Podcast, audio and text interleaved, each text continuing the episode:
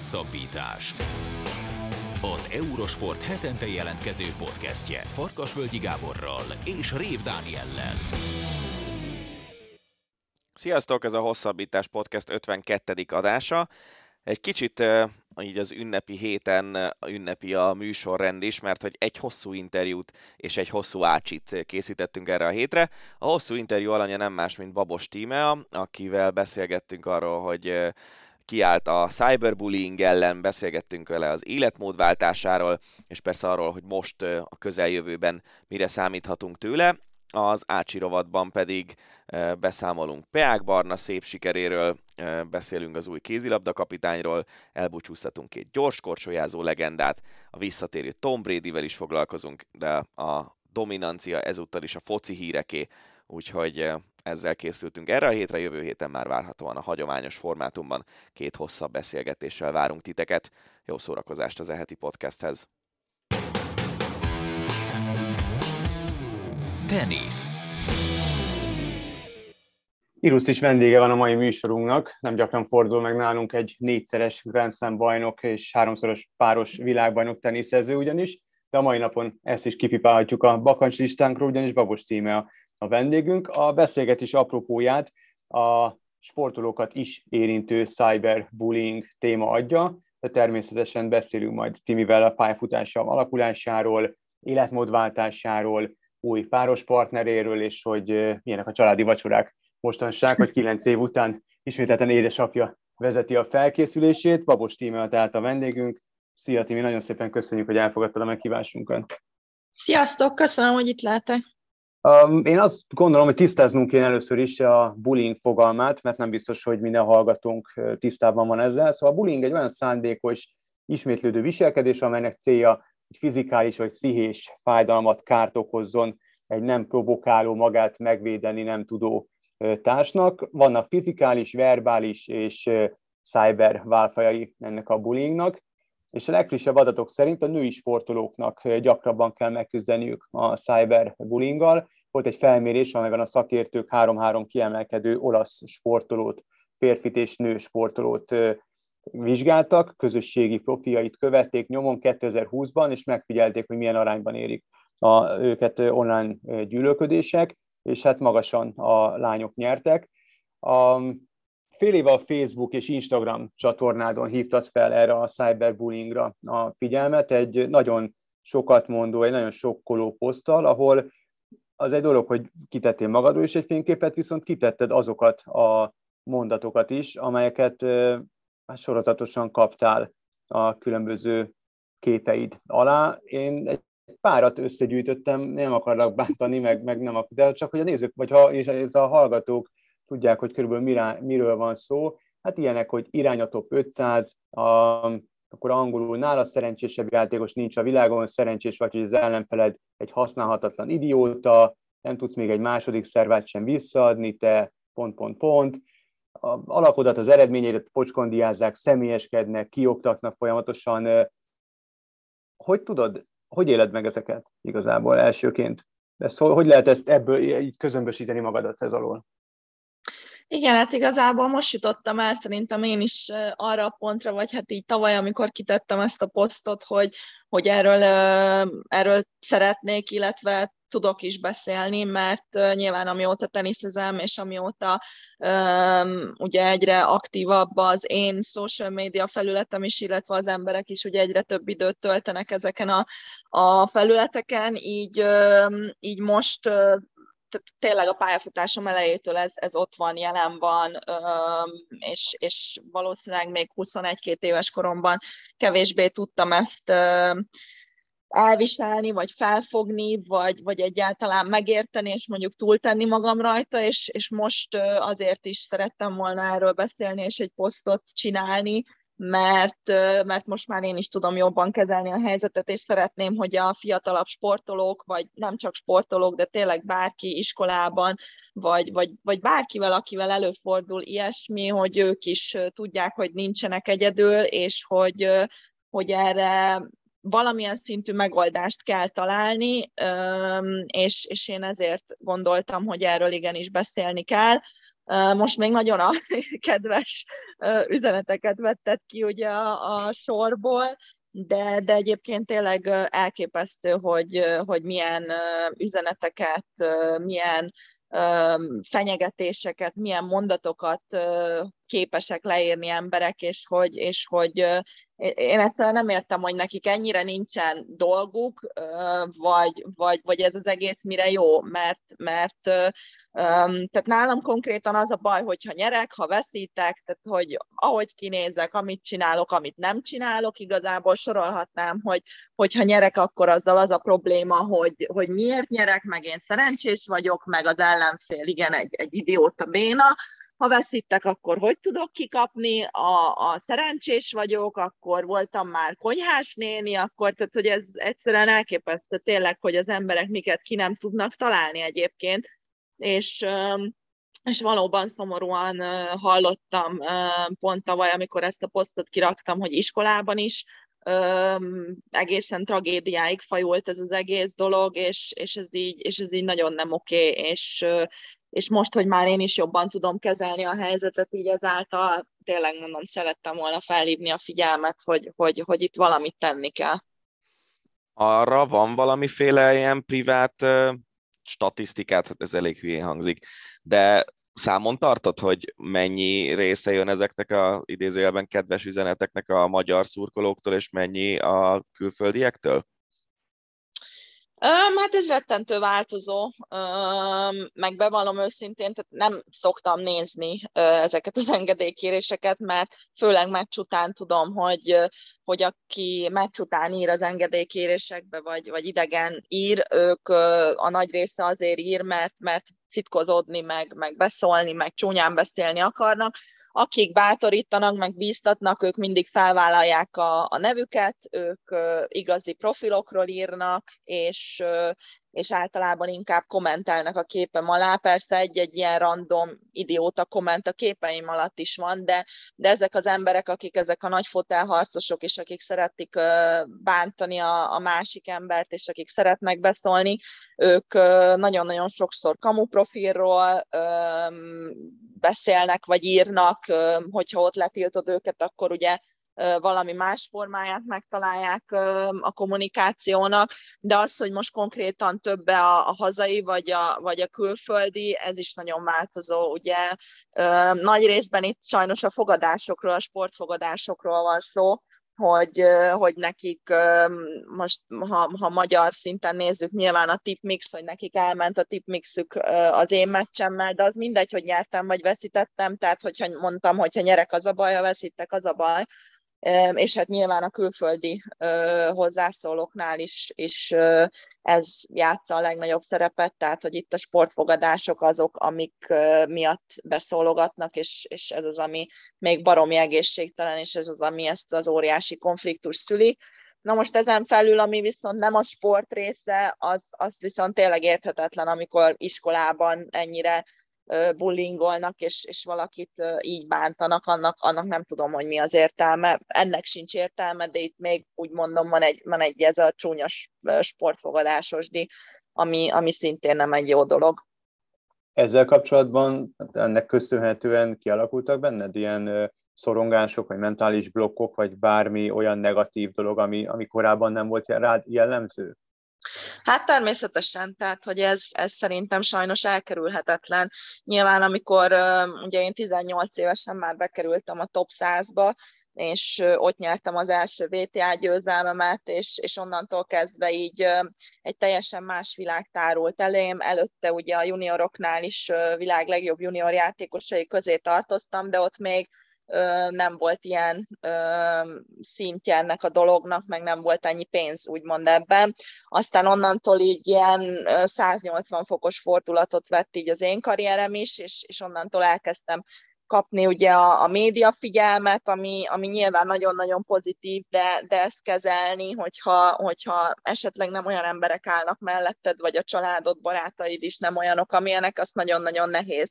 Tehát nyilván ezt még rosszabbul én is felfoghattam volna, mint amilyen volt, és, és tényleg az a durva, hogy most, hogy ugye sérült voltam, és itthon voltam ennyi időt, most így még jobban áttértékelődtek bennem dolgok, de tényleg, amikor így visszaemlékszem erre a 18-19-20 éves korszakomra, amikor ugye így berobbantam, utána volt egy, mit tudom én, egy fél év, háromnegyed év, amikor kevésbé ment a játék, és akkor ott így belecsöppentem ebbe a világba, ebbe a bullyingba, hogy, hogy ott rengetegen írtak, és, és, és én is elolvastam a kommenteket, és én is megnéztem, sokszor beleálltam vitába, és, és persze mondhatja az ember, hogy leper, lepereg róla, de, de ez, ez fiatalon biztos, hogy nem így van. Sőt, a mai napig is azt mondom, hogy tudom kezelni, és azért a nagyon nagy része lepereg rólam, de így a tudatalattim néha még azért kicsit megböködi a vállamat, hogy, hogy, hogy, hogy azért ez, ez tehát hogy így valamilyen szinten az ember foglalkozik nyilván vele, és ez így nem jó, és Nekem is voltak ebből nehéz periódusok, mert amikor ugye az ember nyer, akkor, akkor a nagy médiában mindenki szereti, bár mondom, hogy ettől függetlenül akkor is kapok csúnya üzeneteket, de nyilván, amikor az ember veszít, akkor, akkor nekem is még letargikusabb, még rosszabb a hangulatom, és akkor még pluszba rájöttek ezek a ezek a dolgok, ez azért jobban lehúzott engem is, de mondom, még olyan szempontból tényleg nagyon szerencsés voltam mindig is, hogy jó emberek álltak nagy többségben mellettem, és, és most mondom, tavaly ez a fél év, ez, ez pedig erre nagyon-nagyon jó volt, hogy kicsit így így a, az önértékelésem is, meg az önismeretem, meg, meg így, így az egész világ nem csak ugye az utazásról és a versenyzésről szól számomra, és így picit átértékeltem a dolgokat, meg, meg talán tisztábban is látok sok mindenben, úgyhogy, úgyhogy mondom, ez, ennek most jött el talán az ideje a részemről is, hogy, hogy beszéljek róla. Szoktad figyelni a közösségi médiában azt, amikor más sportolók is ö, hasonló üzeneteket osztanak meg, és hasonló problémákra hívják fel a figyelmet? Most ugye legutóbb a téli olimpián eh, Mikaela Schifrin volt az, aki valószínűleg minden idők legjobb női sízője, aki kiposztolta azt, hogy eh, hogy eh, Butari Bancnak nevezték, meg ilyesmi, mert kiesett három versenyen a Pekingi olimpián, és, és ő is egész hasonló posztban osztotta meg ezeket az üzeneteket, mint néhány hónappal korábban te. Igen, igen, szoktam látni természetesen, ugye nálunk a teniszben is volt ebből kettő elég nagy ügy, az egyik az egy kanadai csaj, Rebecca Marino, aki ilyen 20 körül volt a világranglistán, és ő egyszerűen ezt konkrétan nem bírta elviselni ezt a nyomást, illetve ezeket a, ezeket a dolgokat, úgyhogy ő abba is hagyta egy jó időre, és neki komoly depressziója lett, és, és egy pár évet ért vissza, pedig ilyen, ő is ilyen 20 évesen már, már nagyon-nagyon komoly és jó játékos volt, illetve ugye a, a Netflixen volt egy sorozat, ami a Mardi Fishről szólt, és ő is így elmondta, hogy neki milyen elképesztő szorongásai voltak, és hogy, hogy, hogy ez mennyire nehéz elviselni. Úgyhogy persze többször lehet erről olvasni. Mondom engem, ami a legjobban mondjuk lesokkolt, ez, ez tavaly ez, ennek a 15 éves fiúnak az eseteit Magyarországon az, az iskolában, ami tényleg tragédiává vagy tragédiába ment, úgyhogy igen, tehát hogy nyilván követem valamilyen szinten, és ahogy mondtam már, jó sokszor ez ellen valamit jó lenne, meg kellene is tenni. Megkerestek már szervezetektől, vagy gondolkodtál már a stáboddal abban, hogy esetleg tudnátok-e valamiféle segítségnyújtást, jó példát eh, hozni, találni, ebben az egész ügyben segíteni azokon, akik mondjuk hasonló cipőben járnak, mint te, ugyanakkor nyilván nem kapnak ekkora nyilvánosságot, és nem tudják megvédeni magukat. Tehát ilyenben gondolkozol, vagy, vagy nyilván lefoglal jelenleg a pályafutásod, meg a, a versenyzés, az utazás, és egyelőre nincs erre idő. gondolkozom. Uh, nyilván most uh, még azért hátra van pár éva a teniszemből, uh, viszont ez mindenféleképpen ez a, ez a Hát ez is tulajdonképpen egy valamilyen szintű életmódváltáshoz hozzátartozik, tehát hogy ez azért foglalkoztat engem, hogy hogy lehet a, az elménket valahogy egészséges állapotba rakni, mert uh, valljuk be őszintén, hülye emberek mindig lesznek, um, és ezzel nem biztos, hogy tudunk mit kezdeni, viszont a saját felfogásunkkal, a saját hozzáállásunkkal, illetve ezeket uh, igenis meg tudjuk változtatni, úgyhogy én, én így a teniszvilágon belül és a, és a magyar teniszben azért mindig egy ilyen kis mentor szerepet azért felvállaltam, és felvállalok, és tök szívesen segítek, illetve, illetve én mindenben ugye elég segítőkész vagyok, max nem verem nagy dobra, de, de természetesen igen szeretnék a, a jövőben ezzel a vonallal is összekapcsolva még, még tényleg így a, a, az önértékelés, az önismeret, a, az egészséges életmód, és, és tényleg így, így a test és a fej harmóniája, ezek így mindebbe a kategóriába beletartoznak, úgyhogy igen, én ezzel szívesen töltenék időt. Ha már így a, az életmódváltásról is beszéltél egy, egy fél mondat erejéig, aki követi az oldalaidat, akár Facebook, akár Instagram oldaladat, leginkább az Instagramot, mert ugye azt voltam, hogy a Facebookot ezt valaki eloroszta tőled, és ott azt, azt elvesztettétek. Szóval az Instagram oldaladon azért a vak is láthatja, hogy egy nagyon komoly életmódváltáson mentél keresztül, és itt lehet edzés videókat, meg leginkább az étkezésekről szóló a különböző kontenteket találni. Mesélj légy szíves erről bővebben, hogy honnan jött az ötlet, hogy jött az ötlet, milyen használt élvezed ennek, és, és mit veszel észre magadon, és egyáltalán ez, ez amúgy korábban jellemző volt rád, hogy ennyire odafigyeltél arra, hogy mit eszel, mit, vesz, mit viszel be a szervezetedbe, vagy ez most egy, egy ilyen teljesen új vonal az életedben, pályafutásodban?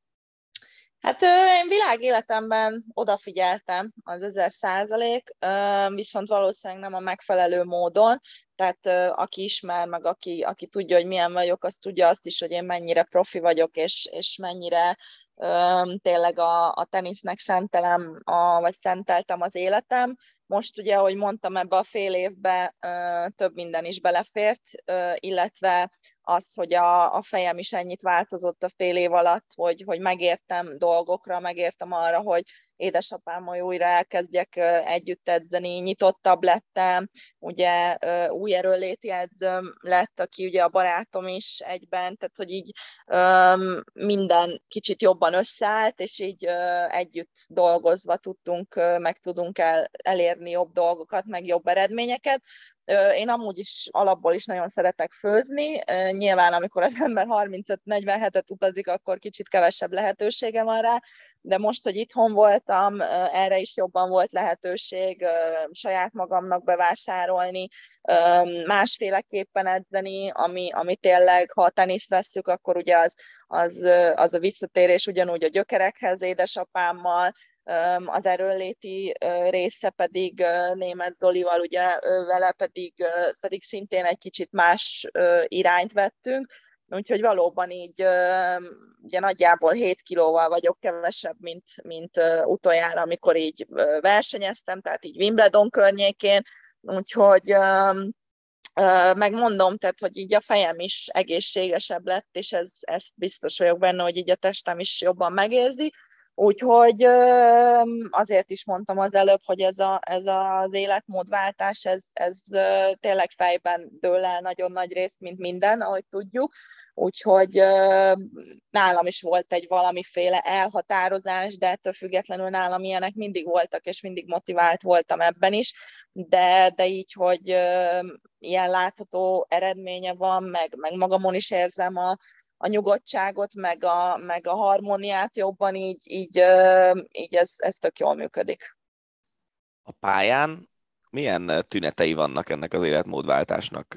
Könnyebben hát mozogsz, hát stb. Ilyenekre gondolok. A pályán konkrétan igen olyan tünetei, hogy olyan labdákat elértek, amit, amit tényleg a legnagyobb csúcsformámban korábban sem értem el, úgyhogy most kicsit ennek is iszom a levét, hogy ugye versenyeztem, elkezdtem újra versenyezni, aztán kicsit túlfutottam magam a versenyeken, úgyhogy ez most így a, a, a, a, a testem így erre egy kicsit megállt parancsol, úgyhogy most még ezt így össze kell um, csiszolni, meg, meg balanszba kell rakni, hogy, hogy mi az a játékstílus, meg mi az a, az a, a tenisz, amit tényleg maximálisan tudok játszani, ami nem olyan fizikai, hogy tényleg jobbra-balra futkozik az ember, és, és azt csinálja három órán keresztül, hanem ez, a, ez az egészséges támadó tenisz, és ha kell, akkor természetesen védekezem, úgyhogy most még ezt próbáljuk így balanszba rakni, de, de, de szerintem nagyon-nagyon jó úton haladok, mind fizikailag, mind teniszben, technikailag, taktikailag, úgyhogy én nagyon bízok benne, hogy, hogy amikor vissza tudok állni full versenynaptárba, és, és rendesen versenyezni heti szinten, hogy, hogy akkor olyan jól fogok tudni játszani, sőt, talán még jobban, mint korábban. Említetted, hogy visszatértél a gyökerekhez, ugye édesapád kilenc év után irányítja ismételten az edzéseidet. Nem nehéz a, így egyrészt visszaszokni, másrészt hát azért itt egy, nyilván, nyilván nagyon komoly családi kötelék is van, tehát ezt így abszolút külön tudjátok választani, hogy egyik szituációban nyilván ő az apukád, másik szituációban viszont ő az edződ, aki, aki elképesztő, gondolom, ha hihetetlen elvárásokat támaszt feléd. Hát, hogy ez, ez milyen szituáció? Vannak súrlódások, vagy, vagy már ér, ahogy előbb mondtad, hogy érettebb lettél jóval, hogy most már másképpen fogod meg ezt az egészet? Igen, hát most egy abszolút családi biznisz, ami, ami most zajlik a karrieremben. Ugye igen, édesapám ismét edzőm lett, nővérem a menedzserem, barátom az erőléti edzőm, és hát édesanyja, ő meg, ő meg abszolút ugye a háttér, aki mindig is az volt. Úgyhogy az, hogy most újra elkezdtünk dolgozni együtt apával, igen, ez, ez egy nagyon pozitív dolog, és valószínűleg megértem én is erre, és, és jobban el tudom fogadni az ő szavát.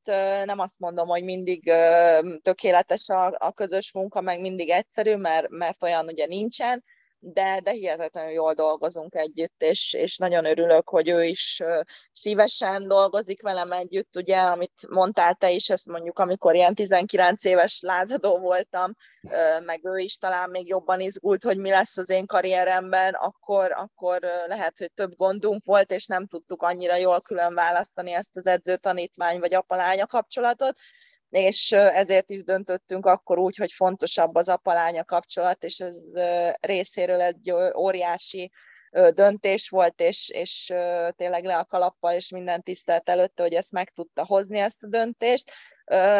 És most viszont ilyen nincsen, tehát tökre jókedélyűek vagyunk, nagyon jók az edzések, látjuk, hogy tudunk együtt dolgozni, fejlődik a játékom, ő is változott nagyon sokat pozitív irányba, én is, úgyhogy Um, tényleg én, én szerintem így soha nem voltam ennyire kiegyensúlyozott így az edzéseimet tekintve, tehát hogy ha konditeremben, ha épp futok, ha biciklizek, vagy hát nyilván, hogyha teniszezem, tehát mindig, mindig tök jól érzem magam, és, és ez szerintem nagyon fontos most azért 11-két évet lenyomtam már a felnőttek között, előtte a junior évek, úgyhogy Úgyhogy most így jó érzés nem csak edzésen is nyomás alatt játszani, meg, meg állandóan stresszelni, meg, meg izgulni, hogy ja Istenem, mi lesz, hanem, hanem tényleg élvezni is azt, amit csinálok még jobban. A közeljövőben inkább az egyesre, vagy inkább a párosra akarsz koncentrálni? Hát ez egy rettentő nehéz kérdés. Most ez a márciusi hónap, ez, ez tragédia versenyzés szempontjából, úgyhogy uh, most, most így uh, ez, ez nehéz.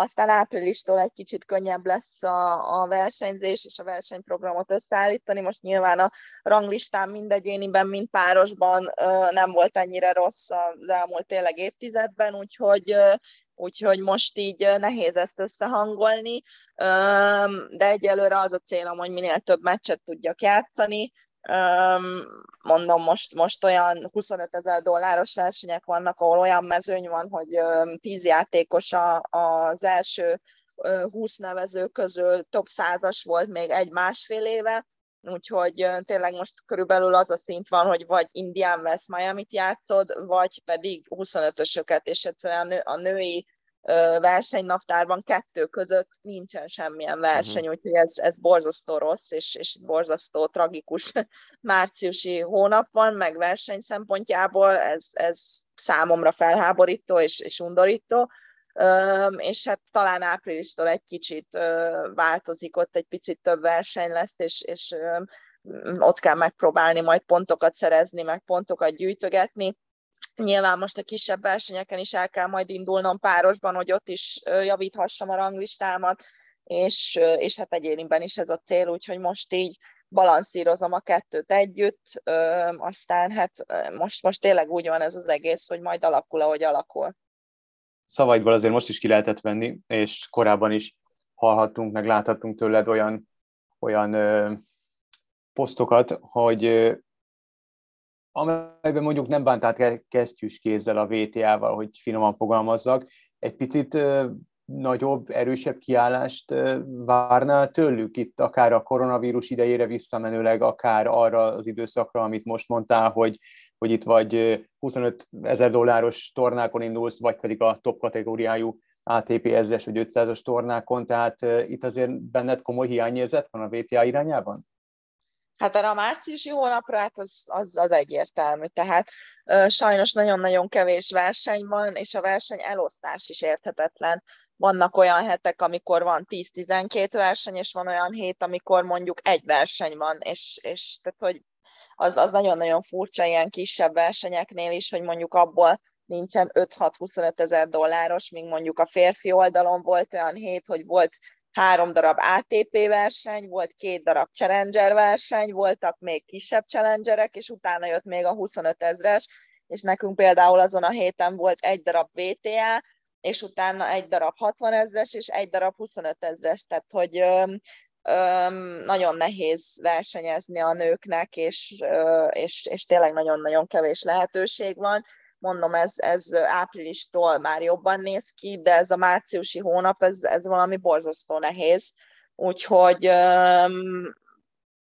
ezt, ezt pedig most nyilván a koronavírust, ezt, ezt nehéz megmondani, hogy lehetett volna jobban csinálni. Ott is voltak érdekes lépések, hogy aki a VTA-ról játszó, vagy VTA játszott, ő veszített pontokat, akik ITF-en játszottak, ők csak a pontjaik felét veszítették el. Ez például nekem baromi rosszul jött, mert én folyamatosan VTA játszottam, aztán lesérültem, így most hátra csúsztam, kicsúsztam a 200-ból is bőven, míg valaki, aki esetleg pont ezeken a 25 vagy 60 ezer dolláros versenyeken játszott, és mondjuk 200 ő meg mégsem veszített pontot. Nyilván most már ez kezd kiegyenlítődni, és látszik is, hogy mekkora ugrások vannak ugye a, a, a ranglistákon, de, de hát igen, most inkább azt várom, hogy áprilisban normálisan lehessen majd versenyezni. Mesélj egy kicsit arról, hogy Jessica Pegulával, hogy találtátok meg egymást? Hát vele nagyon régen még játszottunk együtt, amikor mindketten ilyen feltörekvő 17-18 évesek voltunk, nyertünk is ITF tornákat, illetve ugye Michael Joyce volt az edzője neki négy és fél évig, öt évig, nekem is ugye a Michael segítette sokáig, vagy hát másfél évig ugye a, a pályafutásom, aztán sajnos pont a Covid miatt így elváltak útjaink, de, de így a Michael is már mondta akkor is, amikor együtt dolgoztunk, meg utána is, hogy mi lenne, hogyha indulnánk együtt, meg volt róla szó, és így sokáig ő kérdezett engem, aztán most ugye a tavalyi páros balhé után pedig most nekem kellett találni valakit, aztán hát közben meg úgy alakult, hogy ugye lesérültem, meg tehát, hogy jöttek ö, rosszabb dolgok, most ugye Dubaj Dohában ö, játszottunk volna együtt, aztán sajnos én nem tudtam ott játszani, úgyhogy, ö, de hát ő meg tök jó játszott, meg is nyerte az első ezres versenyét, Úgyhogy hát most abban maradtunk, hogy majd meglátjuk, hogy mit hoz a jövő. Nyilván ő most karrier best rankingen van egyéniben, de még lehet, hogy párosban is, úgyhogy most egy kicsit más kategória, ahol ő játszik meg, ahol én, de hát ki tudja, illetve hát azt beszéltük, hogy még a jövőben azért szeretnénk együtt játszani nyilván. Uh-huh, tehát akkor még nincsen kőbevésve itt az, hogy ti együtt töltitek ezt a következő időszakot, hanem majd ahogy alakul. Hát, ez nehéz, mert, mert az én ranglistám most sajnos most rosszul jött ki, uh-huh. és uh, ugye én le sem védettem tavaly a rangsoromat, mert uh, úgy gondoltam, hogy vissza tudok hamarabb térni, mint a hat hónap, aztán ez sikerült is, négy hónap után tudtam versenyezni, aztán utána, ami versenyeken akartam indulni, azt a Covid miatt törölték, úgyhogy így végül is egész december meg januárban nem nagyon tudtam játszani, mert pont Dél-Afrikába mentem volna, meg olyan helyekre, amit töröltek versenyeket, úgyhogy nekem ez, ez ilyen óriási pexéria volt, hogy így alakult, mert nyilván, ha levédettem a rangsorom, akkor ilyen 14. vagy 20. voltam még párosban, meg egyéniben is bőven előrébb voltam, akkor, akkor tudnék most nagy versenyeken játszani, ott lehetnék Indian West Miami-ban, most ez így alakult, biztos így kellett valamiért lennie, ez is nyilván megviselt azért eléggé, de, de én hiszek abban, hogy minden okkal történik, meg, meg abban is, hogy, hogy, hogy vissza tudok még kapaszkodni, úgyhogy most dolgozom, aztán várom, hogy beérjen a, a munkáknak a gyümölcse. Ez a pozitivizmus, ez régen is jellemző volt rád, vagy, vagy mostanában?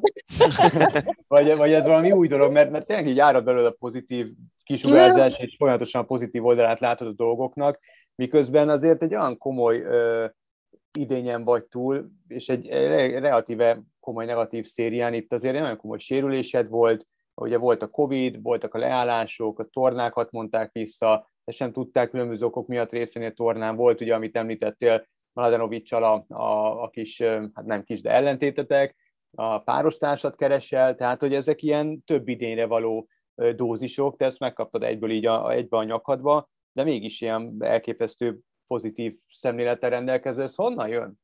Ez, mi, mi, mitől jött ez a, ez a változás?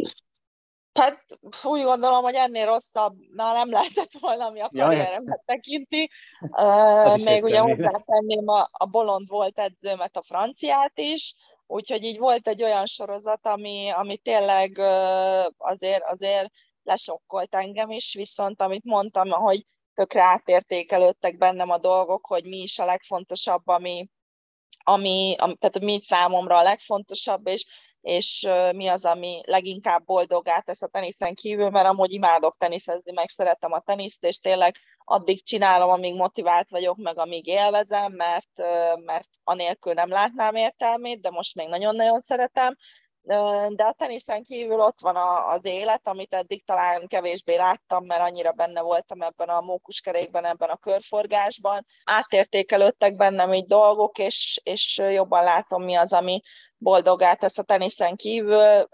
Itthon tudtam lenni a, a családdal, barátokkal, barátommal, mondom, főzni tudtam, boltba tudtam menni, takarítani tudtam, tehát hogy tudtam egy, egy átlag életet élni, mind a mellett, hogy persze ezerrel csináltam a rehabot, meg, meg a pszichológushoz jártam, meg olvastam, meg, tehát hogy, de mégis valahogy, valahogy más most a hozzáállásom, és egy picit, hogy most is itt tudok a nappalimban, és itt van egy ilyen büszkeségfalam, úgymond, és arra is így mindig ránézni, az tök más érzés, mint uh, utazok a világban. Lehet, hogy nyerek, kikapok, mit tudom én, de hogy így uh, benne vagyok ebben a körforgásban, most meg így um, tényleg azt tudom mondani, hogy azért nagyon sok mindent letettem az asztalra a, a teniszben, és még mindig éhes vagyok, és még mindig szeretnék többet, de sajnos az ember olyan, hogy mindig-mindig többet akar, de elfelejti azt, amit már elért, és ez, ez, ez bárkire jellemző lehet, és ez bárkinél probléma lehet, úgyhogy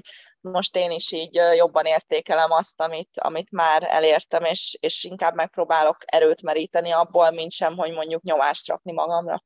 A végén arra lennék még kíváncsi, hogy ez az általad mókuskeréknek nevezett élet, ez hol folytatódik a következő időszakban, milyen tornákon érdemes figyelni az eredményeidet? Um, hát ez egy nagyon jó kérdés, sokan kérdezik tőlem, de igazából bevallom őszintén, hogy gőzöm nincsen. Most mondom, egy olyan uh, rossz és bonyolult versenynaptár van, van így a március hónapra, hogy, hogy nem egészen tudom, hogy hol fogok játszani, valószínűleg salakon fogok kisebb versenyeken, de az is lehet, hogy visszamegyek kemény pályára. Jelenleg salakon edzem, de lehet, hogy visszamegyek kemény pályára játszani, aztán majd csak áprilistól játszok salakon, úgyhogy most ez így ilyen elég kérdőjel, elég nagy kérdőjel számomra, hogy, hogy mi legyen, hogy legyen, mi lenne a legjobb, most egy picit ilyen taktikusabban próbáljuk eldönteni a versenyeket, hogy minél előbb túléphessek ezen a, ezeken a szinteken, ezeken a kisebb versenyeken, úgyhogy egyelőre csak remélem, hogy, hogy többet tudok majd ismét versenyezni. Nagyon sok sikert kívánunk, Tini. Mm, Köszönöm. Nagyon szépen köszönjük, hogy elfogadtad a meghívásunkat, és időt szakítottál ránk, és remélhetőleg pozitív irányba mozdulnak a dolgaid most az elkövetkezendő időszakban, és ezt a komoly negatív szériát ezt magad mögött tudod. Babos Tímával beszélgettünk az elmúlt, hát jó 40 percben, karrierjéről, cyberbullyingról és egy csomó minden másról. Timi, köszönjük szépen még egyszer. Sok Én is köszönöm. Ácsi. hét legérdekesebb hírei. Sziasztok, ez itt az ünnepi Ácsi. Ünnepi Ácsi? Hát végül is, március 15-e után.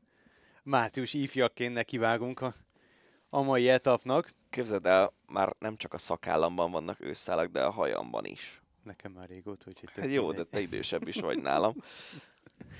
Vágjunk bele, mert rengeteg, rengeteg hírt szedtünk össze. Kezdjük, kezdjük kerékpárral, mert úgy tűnik, hogy minden hétre van egy kiváló magyar kerékpár eredmény. Az ELT-nek a főszereplője Peák Barna, aki a Rande van Drenthe egynapos versenyen lett második, és Dani beszámolója alapján egy kifejezetten jó nevű francia sprintert hajrázott le. Igen, Hofstettert, aki egész jó formában is van, folyamatosan hozza a dobogós helyeket. Ö, nagyon szuper, hogy Barnának végre összejött egy jó eredmény, mert neki azért az elmúlt egy éve, másfél éve, mióta a Mitcheltonnál, aztán Bike Exchange-nél ment egy ausztrál csapatnál, az nem arról szólt, hogy az ő eredményei olyan nagyon erősek lettek volna. Olyan híreket kaptunk, hogy Michael Matthews, aki az egyik nagy sztárja a kerékpársportnak, ő vele ment egy versenyeken, és általában az volt a feladata, hogy az első 150-200 kilométeren Matthewsnak segítsen sokat, és, és, és nem annyira az ő eredményessége volt a fókuszban, és amikor tavaly lehetett sejteni, hogy a, a Bike Exchange-nél nem fogják őt marasztalni, akkor beszéltük itt a többiekkel, hogy mi lehet neki egy jó csapat, és, és már akkor szóba került a Vanti, ami egy olyan csapat, ahol nagyon sok kis versenyen is elindítják a, a csapatot, és ott a keretnek a kevésbé nagy sztárjai kapnak lehetőségeket arra, hogy bizonyítsanak, és most itt egy ilyen lehetőséget kapott Barna, egy, egy elég erős szökésbe bekerült, vagy hát egy olyan, nem, nem is a nap szökésébe, hanem egy, egy olyan elmenésbe, ami már a pályának a nehéz részén alakult ki, és abból egy belga srác, aki szintén egészen jó eredményeket ér el az egynaposokon, ő tudott megugrani, és a, maradékból meg Barna volt a sprintben a legjobb, és tényleg jó, jó versenyzőket. Holland bajnok volt a negyedik, Hofstetter a harmadik. Szóval ez egy tök jó eredmény, és örülünk neki nagyon. De erről beszéltünk a múlt héten is, nem? Hogy, hogy így ennek köszönhetően Magyarország is gazdagodik világranglista pontokkal, most nem akarok hülyeséget beszélni, nem biztos, hogy Igen. Magyarország, de ez pedig pont a, a világbajnokság miatt fontos. Igen, igen, igen, ugye a, az, az a, a világbajnokság férfi felnőtt mezőnyé, mezőnyversenyében az számít, hogy hogy hányadik helyen van a nemzetek rangsorában egy adott ország, és a, 21-30-as sávban, tehát a világranglistán a 21. és a 30. Mm. ország, ők már négy indulót nevezhetnek a világbajnoki mezőnyversenyre, és most Magyarország már Walter Attinak a nagyon pontgazdag Strade és negyedik helyével már a 30-ba bekerültünk, és most, hogy Barna is hozott egy egész pont erős eredményt, csak úgy összehasonlításképpen mondom, hogy 85 pontot ért ez a második hely a világranglistán, egy Giro szakasz győzelem a 100 pont. Ja. Tehát ezek, a, ezek az ilyen 1.1-es, meg 1 pont pro versenyek, ezek nagyon fölülértékeltek a, a, ahhoz képest, hogy mondjuk egy Giro szakasz győzelem mennyivel többet ér, mint ja, egy... rangban, világos. Így igen. van, rangban. Szóval ez kellett azt hiszem Barnának, hogy, hogy egy olyan csapatba kerüljön, ahol ilyen versenyeken megkapja a lehetőséget, és ez tök jó, hogy, hogy most itt tartunk. És mondom már a múlt héten, most még kedden jön ki a világranglista, most eláruljuk, hogy hétfőn vesszük föl ezt, a, ezt az ácsit. Így van. Szóval még nincs friss világranglista, de, de biztos, hogy a 30-ban leszünk holnaptól is, vagy kett, kettől is, és, és remélem, hogy ott is maradunk most már, és akkor tényleg nem egy ember, hanem négy indulhat majd a VB-n. Szép, abszolút pozitív hírek, és pozitív hírek érkeznek a kézilabda, hát inkább a magyar válogatott házatájára is, ha az pozitív hírnek, hírnek nevezhetjük, de majd Dani természetesen reflektál rá, hogy Csemát kinevezték az eddigi másodedzőt, mondjuk rá rendes tisztességes nevét, José María Rodríguez Vaquero. Vaquero. Vaquero, más Csema lett a férfi válogatott szövetségi kapitánya, Örülünk? Én eh, ezen gondolkoztam, hogy, hogy ez egy nagyon érdekes választás, mert igazából ugye Csema is eh, benne volt ebben a, ebben az edzői stábban, amivel ez az EB kudarc lett a, ennek az edzői stábnak a végeredménye. És ugye azt mindig is elmondta a szövetség, hogy főállású szövetségi kapitányt szeretnének, és Csema még dolgozik a Benficánál, most én úgy tudom, hogy ki fogják őt vásárolni, vagy, vagy tehát, hogy egy, e, ennek a szezonnak a végétől valószínűleg már főállású mm. szövetségi kapitány lesz. Ugye Nagy Lászlót tudjuk idézni, aki nem tudom mikor interjú voltuk meg két éve talán, akkor mondta azt, hogy ő, mindig is azt akarta, hogy, hogy Csema Rodriguez-zel dolgozzon ő együtt edzőként, mert hogy neki van olyan agya a játékhoz, amit ő nem látott még másban. Uh-huh. Nem tudom. Én nekem a nekem azért voltak ilyen fenntartásaim azzal, ahogy, ahogy ezt az EB kiesést Csema nekem személyesen így, így beszélgetve előadta, de remélem, hogy, hogy jó döntésnek bizonyul ez. Nem azt, lehet tudni azt előre szerintem. Uh-huh. És azt lehet tudni, hogy, hogy Nagy Lászlónak milyen szerepe lesz a válogatott mellett? Mert ezt mondtad, hogy ez nem feltétlenül összeegyeztethető, hogy valaki a szövetségben is komoly titulust tart a kezében, és még a válogatott mellett is szerepet vállal. Nem tudom, ezt továbbra is tartom, hogy nem szerencsés az, hogy ő ennyiféle állást halmoz, és azt sem tudom, hogy ebben a döntésben ő neki most mekkora szerepe Aha. volt, mert ugye a legutolsó hír az az volt, hogy felfüggesztik őt is, meg Pálinger Katalint is a szövetségi pozícióból.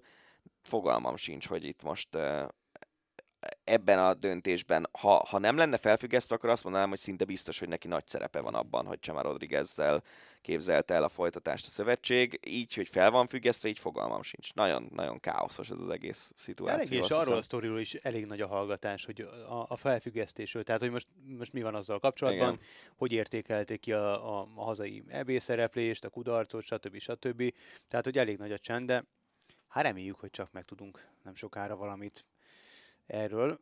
Menjünk is tovább, labdarúgással folytatjuk, rengeteg labdarúgó hírt szedtünk össze, természetesen itt is azért főszerepben az ukrán-orosz válság okozta a problémák. Hát elég nagy problémával van a Chelsea labdarúgó csapata, ugyanis a britek szankciókat léptettek életbe az ukrajnai háború miatt Roman, Roman Abramovics orosz tulajdonos ellen zárolták a vagyonát, nem bonyolíthat le pénzügyi tranzakciókat brit magánszemélyekkel és vállalkozásokkal, utazási és szállítmányozási tilalommal is sújtották, a Chelsea nem vett részt játékos eladásban és vásárlásban, fel kellett függeszteni a jegyértékesítést, a shopot is be kellett zárniuk, és hát jelen pillanat a brit kormány ellenőrzi a Chelsea-t, és hát most egy ilyen külön engedélyt kapott a klub, hogy folytassa futball vonatkozású tevékenységét. És ha ez még nem lenne elég, akkor a főszponzor ideiglenesen felfüggesztette az együttműködését a klubbal. Megkérdezték Tomás Tuchelt, hogy a Lille ellen mégis hogy fognak pályára lépni. Ő azt mondta, hogy, hogy hát legjobb tudomása szerint még van repülőgépük, de ha nincs repülőgép, akkor elmenek vonattal. Ha nincs vonat, akkor elmenek busztal, ha nincs busz, akkor bérel majd egy hétüléses minibuszt, vagy kettőt, hármat, és ha kell az egyiket ő vezeti, de akkor is pályára lépnek majd a Lille ellen a BL-ben. Tehát eltökéltségét és humorát megtartotta a klub menedzsere, de nyilván most azért messze nem rózsás a helyzet eh, a Chelsea házatáján. Nem, és ez egy tök érdekes sztori megint, hogy eh, hogy ugye amikor megjelent Abramovics, akkor a, a Chelsea-nek a régi szurkolói eléggé finnyáztak, hogy, hogy azért ez így nem jó, hogy, hogy egy orosz oligarha veszi meg a klubot, de utána szépen jöttek az eredmények, ugye bajnokságok, BL-ek, nem tudom, és a finnyázás az elmaradt, és egyébként valószínűleg azért nagyon sok új szurkolója is lett a Chelsea-nek a sikerek miatt, és hát ezek után most a Kánánnak vége, az biztos. Meglátjuk, hogy majd kiveszi meg a klubot, de, de szerintem az, ami eddig ment, hogy Abramovics lényegében személyes kölcsönökkel fedezte a veszteségeket, az a jövőben nem fog menni, ez szinte biztos. Hát és ha már felhoztad ezt a költői kérdést, hogy vajon kiveheti meg a Chelsea, de biztos vagyok benne, hogy tudtad rá legalább annyira a válasz, hogy valamivel készültem. Hát a New York Jets tulajdonosa Christopher Woody Johnson jelentkezett be többek között a, azok közül, akik megvásárolnák a Chelsea-t. Ő élt Londonban, óriási rajongója volt a klubnak, most is az, és a hírek szerint 3 milliárd a vételár, ennyit szeretne kapni Abramovics.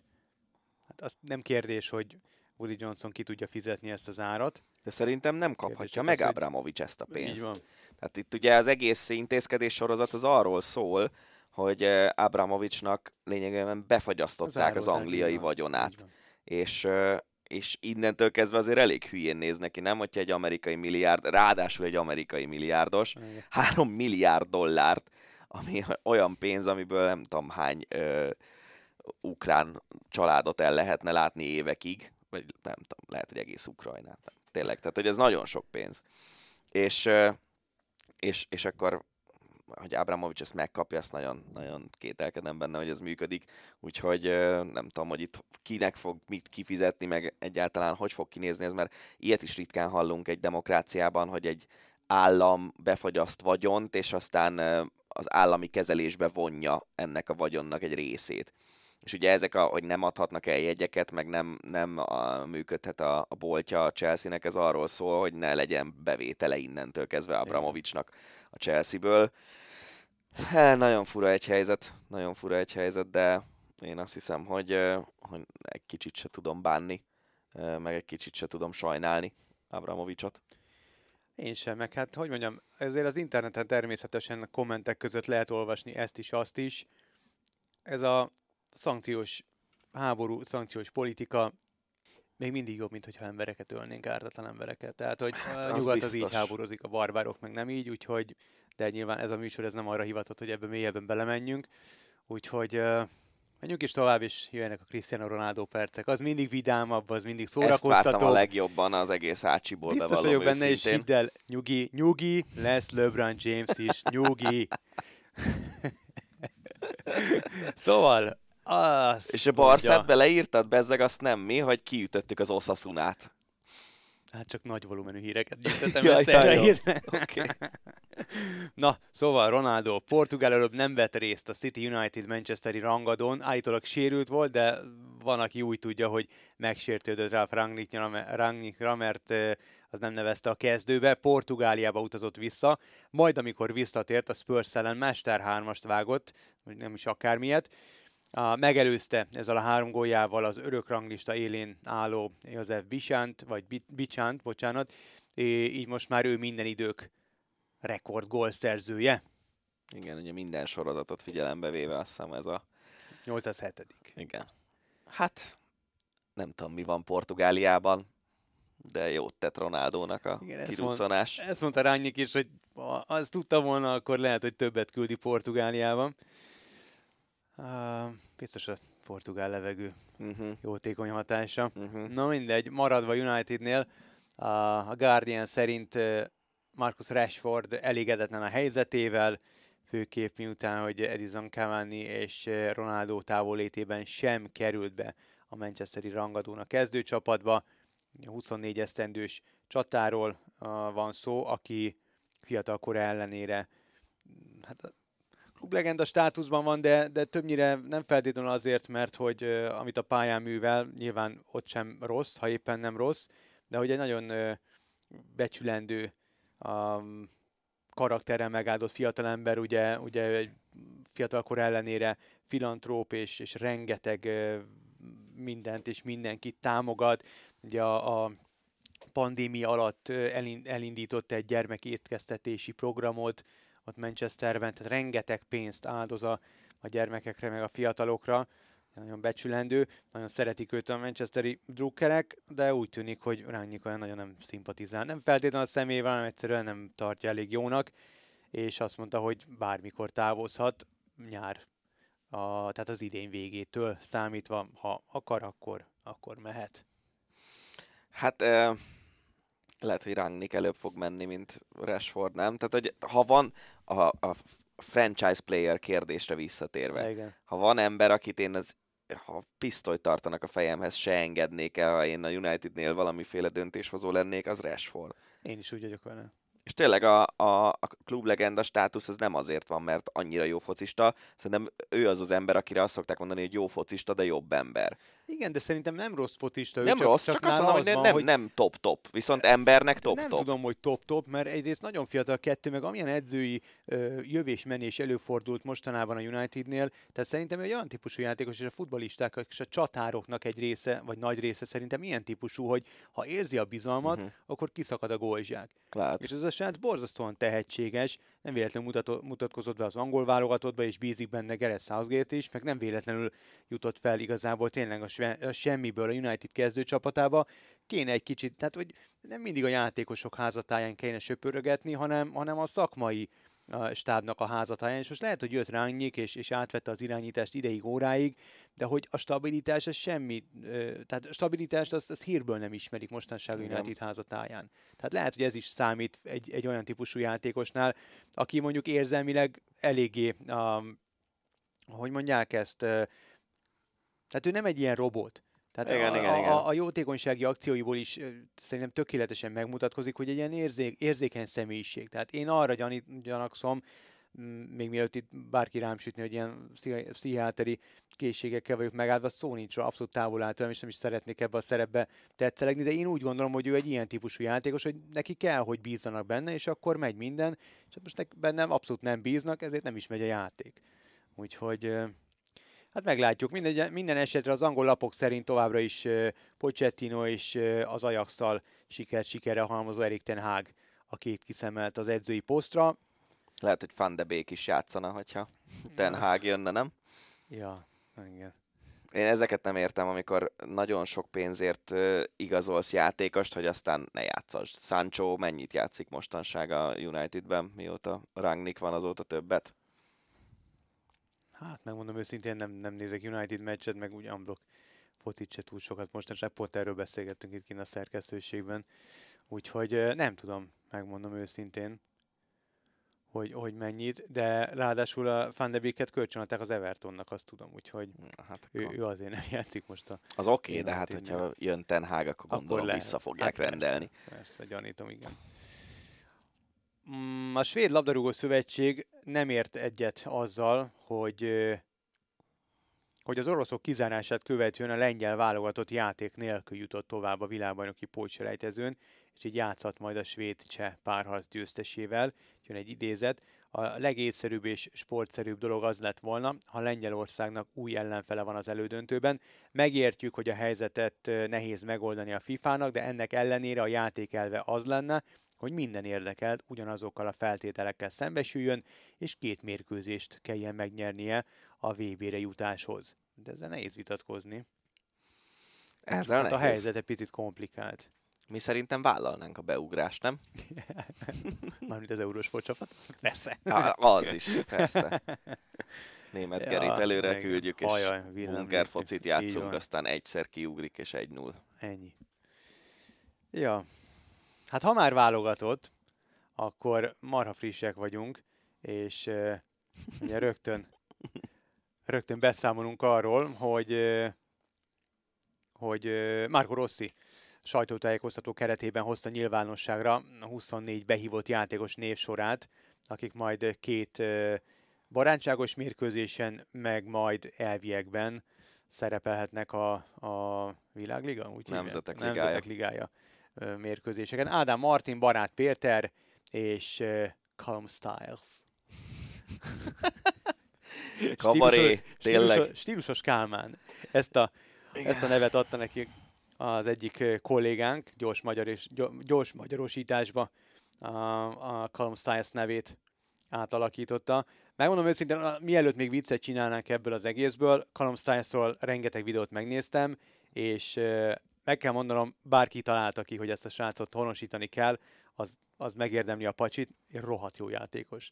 Tehát ö, 21 éves, megvan a foci IQ-ja, meg elképesztő rugó technikája van, úgyhogy majd ott vitatkozhatnak, nyilván nem, de majd meg kell egyezni, hogy kilövi a szabadokat, nagyon jól passzol, több poszton bevethető, tehát egy tényleg abszolút szerintem ezt, ez bármelyik országban, amelyik olyan szinten áll, mint mi, hogy szüksége van játékosokra ilyen-olyan posztra, és van lehetősége a honosításra, biztos vagyok benne, hogy 10-ből 10-szer kihasználták volna ezt a lehetőséget.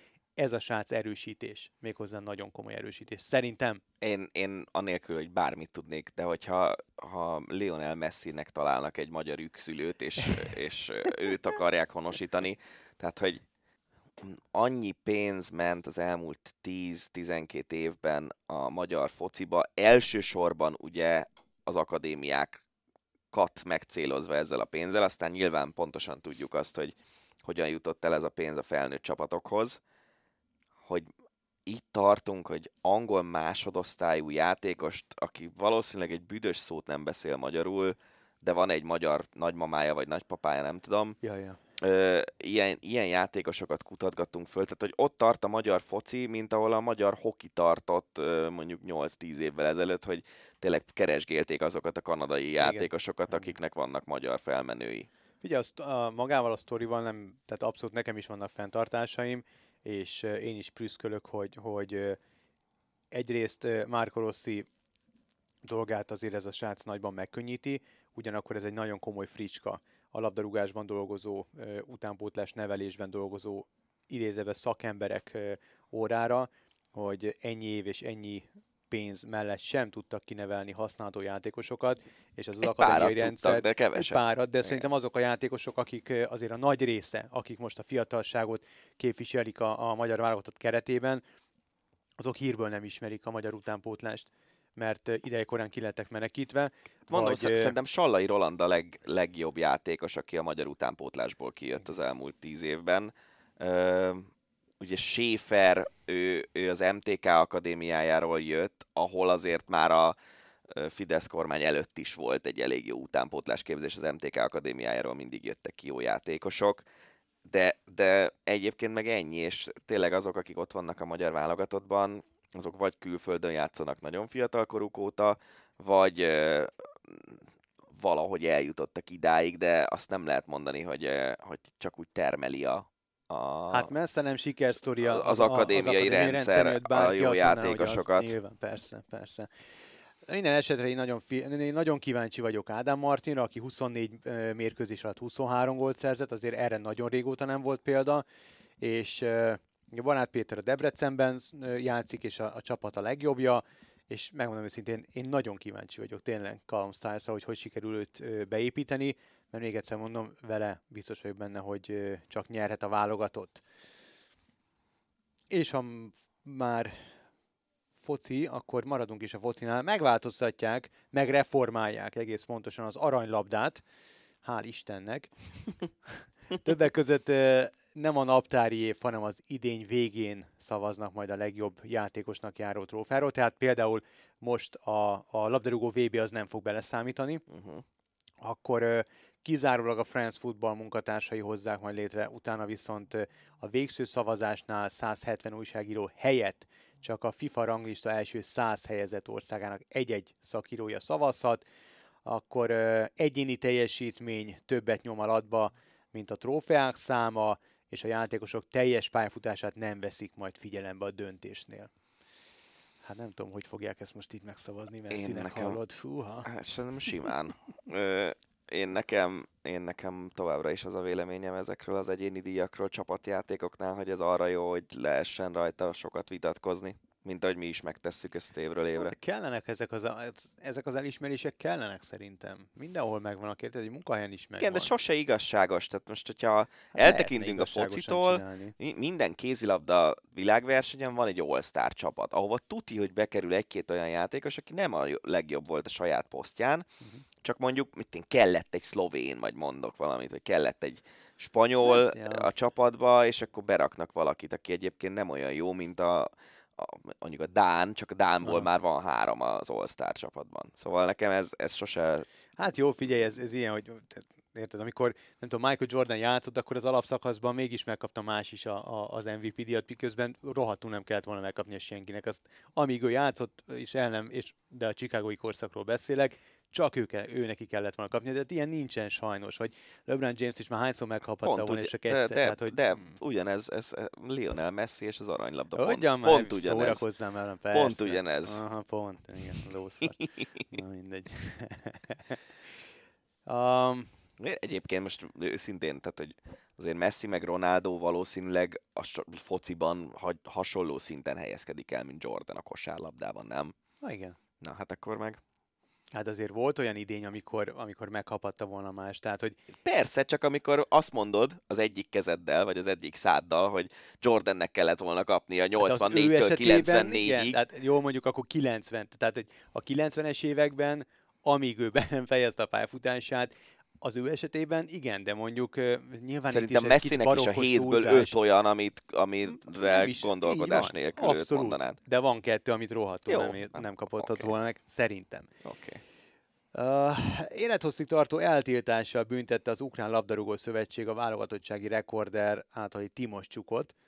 144-szer szerepelt az ukrán válogatottban. A Szentpétervári Zenit edzői stábjának a tagja, és nem foglalt állást nyilvánosan az oroszok ukrajnai bevonulása és háborúja ellen.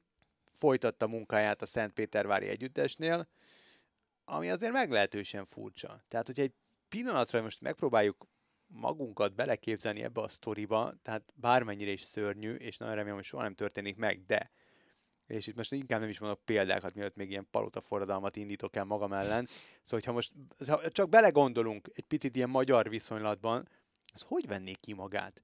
Tehát számomra ez nagyon furcsa, és ez vannak nyilván szankciók, hogy soha többé nem vállalt la- a labdarúgással kapcsolatos feladatokat Ukrajnában, prolicencének elvételére szólítottak fel, a, meg minden létező állami kitüntetését és elismerését törlik, és a válogatottban elért sikereket így kiírják kvázi az ukrán labdarúgásból. Nem vagyok benne biztos, hogy ez egy jó vonal, ugyanakkor meg azt nehezen értem, hogy, hogy ő hogy nem szólal meg. Ugye tehát két, két opció van, az egyik az, hogy ő még Oroszországban van, és Oroszországban ugye olyan törvényeket vezettek be, ahol nagyon súlyos börtönbüntetés jár azért, hogyha az ember megszólal. De azért nagyon furcsa, hogy, hogy tényleg az ukrán sztársportolók egy jelentős része azonnal jelezte, hogy ő hazamegy, még hogyha nem is Ukrajnában élt, gazdag, szuper gazdag emberek beálltak harcolni, meg minden, és akkor van valaki, aki ott maradt Szentpéterváron, és veszi fel továbbra is a fizetését.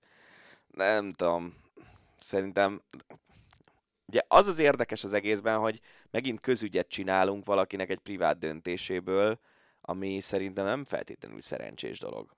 Ezt ugyanezt gondoltam Tóth Gabi esetében is, hogy lehet, hogy ez a, van akkor a sztori, de az is lehet, hogy egyszerűen van valami oka ennek a dolognak, és, és kész. Ne, nem tudom, tehát Hát, nem tudom én sem, hogy nyilvánosan mind, minden dönteni, ukrán ismert embernek nyilvánosan állást kell foglalni ebben a kérdésben, vagy de... egyáltalán Nem tudom, de az, ha nem olyan... foglal, az nem egy természetes állásfoglalás Nem tudom, egyben? hát érted valamilyen szinten, tehát Timoscsuk Ukrajn, hogyha azt nézzük, akkor ő egy példakép Ukrajnában. Há, igen. Tehát neki, neki Vo- volt állást, eddig. eddig igen.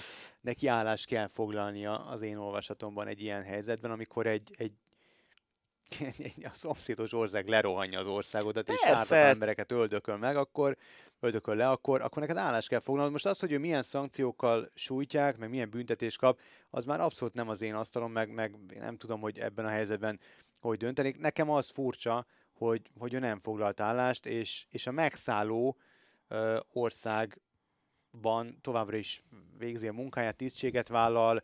Nem tudom, anélkül, hogy tudnám, hogy mi van az ügy mögött, nyilván nem beszéltem Anatolial, de, de így, így innen egy picit furcsának tűnik, sőt nagyon furcsának Ne, tűnik nekem is furcsának tűnik, csak azt mondom, hogy nem feltétlenül, ez, ez de lehet, hogy tényleg ez egy magánügy kérdés. Nem tudom. Ú, menjünk, utazunk Berlinbe. A csere cseréje, ez jutott eszembe.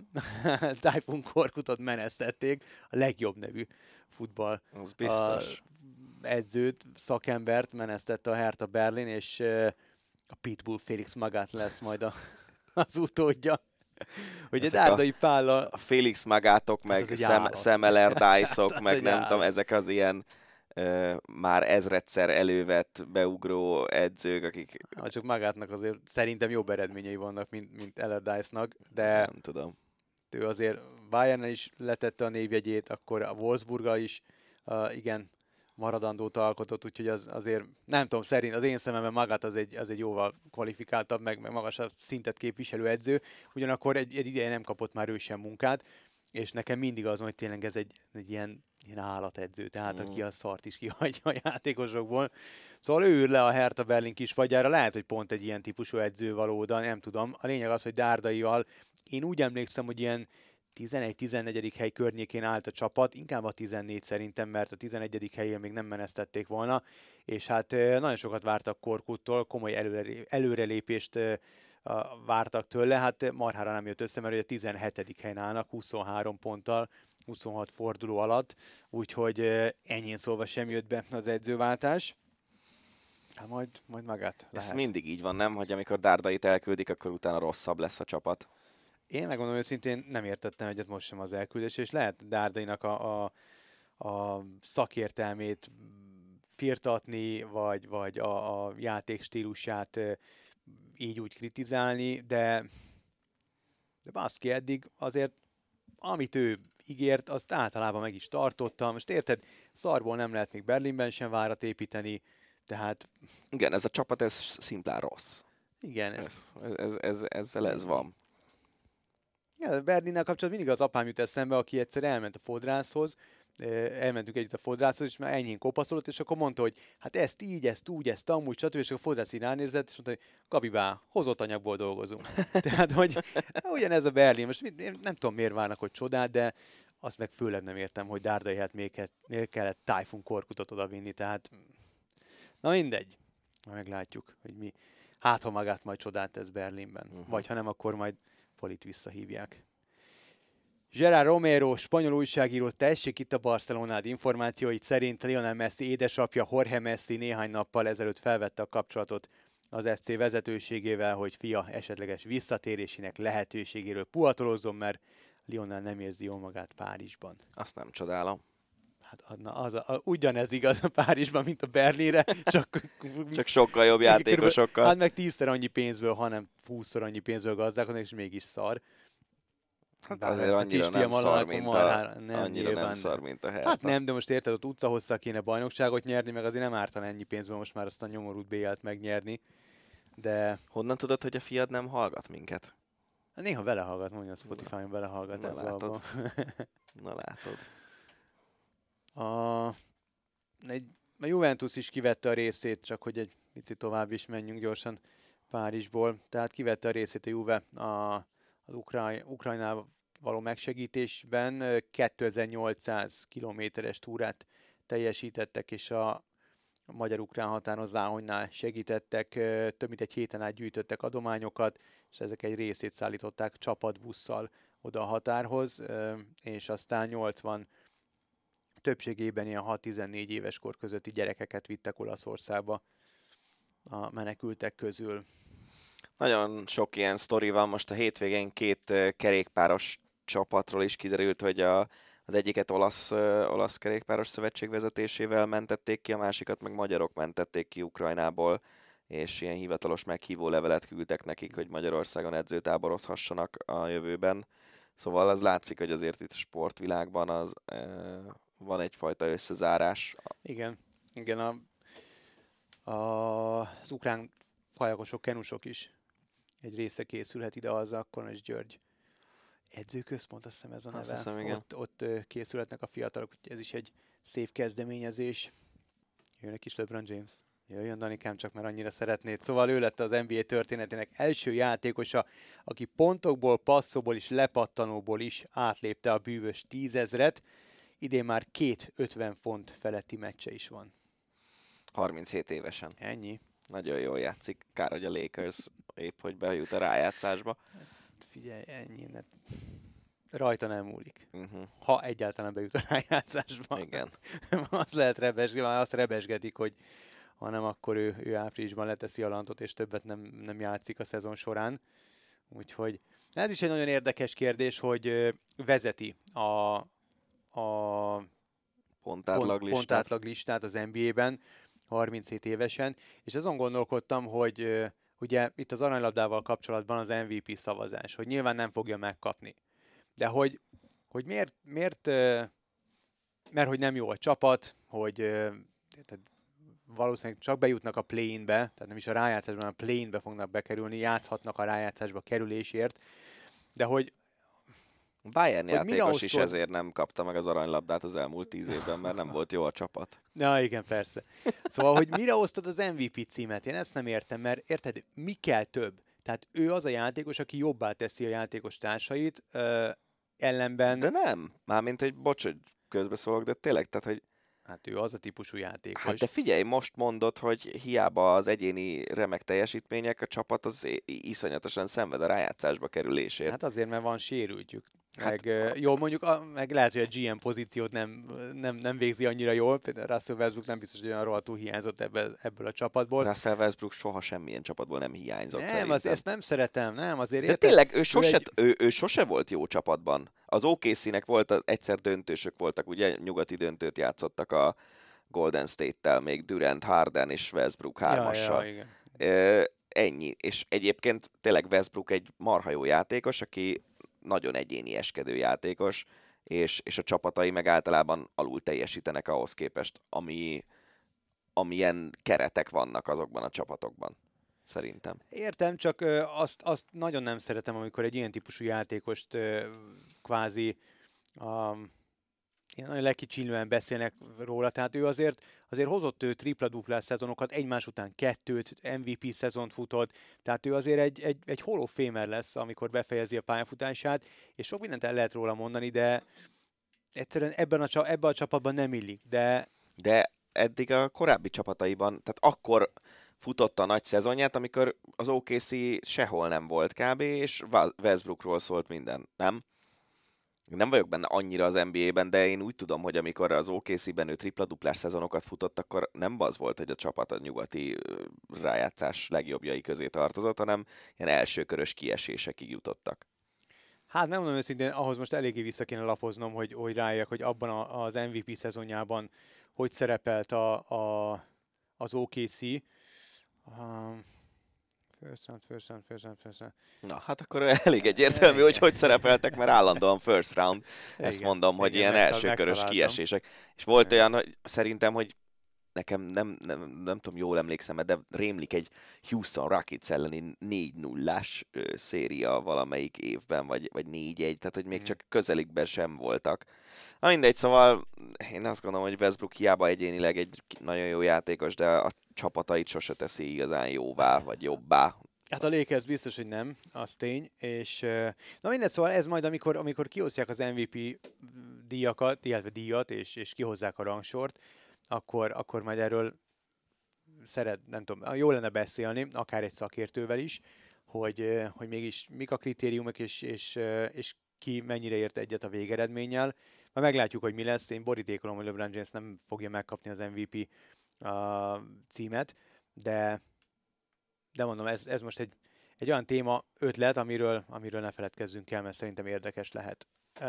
Maradva még az NBA-nél, Greg Popovich lett minden idők legtöbb győzelmét arató mm, szakvezetője az NBA-ben, alapszakasz mérkőzésekről van szó. 1336. győzelmét aratta 2030. meccsén, ezzel megelőzte mentorát Donny Nelson-t, aki 1335 győzelemmel áll immáron a második helyen. 96 óta irányítja a Spurs együttesség Greg Popovich, és amellett, hogy egy remek szakember, azt mondják, és hát legalábbis mi nyilván az újságokból, meg a cikkekből értesülünk ezekről, de egy remek embernek tűnik. Igen, és ez, azon gondolkoztam el, hogy itt ez az 1300 győzelem 2000 meccsen, ez azért egy elég jó arány. Eléggé. Tehát ez ugye körülbelül azt jelenti, hogy a meccsek kétharmadát megnyerik. Ami, amivel általában mondjuk egy szezon végén ott lehet lenni minimum a, a első négyben a, az adott konferenciában egy ilyen Igen. mérleggel. Igen, és ő azért szerintem pályafutása során túl sokszor nem maradt le Igen. a, a playoffról, a San Antonioval. Forma 1.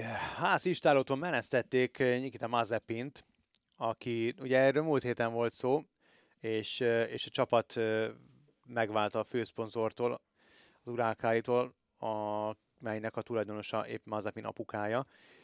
De a kis Nikita alapítványt hoz létre olyan sportolóknak, akik az oroszok ukrajnai háborúja miatt nehéz helyzetbe kerültek. De ez ugye, ez szerintem azt jelenti, hogy az urákali pénzzel. Az urákali pénz, ugye annyi pénz szállnak ennek az alapítványnak, amennyi pénzt a Forma 1 öntöttek volna bele ebben Igen. az évben. Igen. És ez szerintem azt jelent, nem az ukrán sportolóknak hozzák létre ezt, hanem a, nem, dehogy is. hanem a, a szegény oroszoknak, akik... Igen, akiket nagyon... Ez igen. nagyon súlyos nagyon. szerintem. Hát abszolút, ilyen teljesen más világban élnek.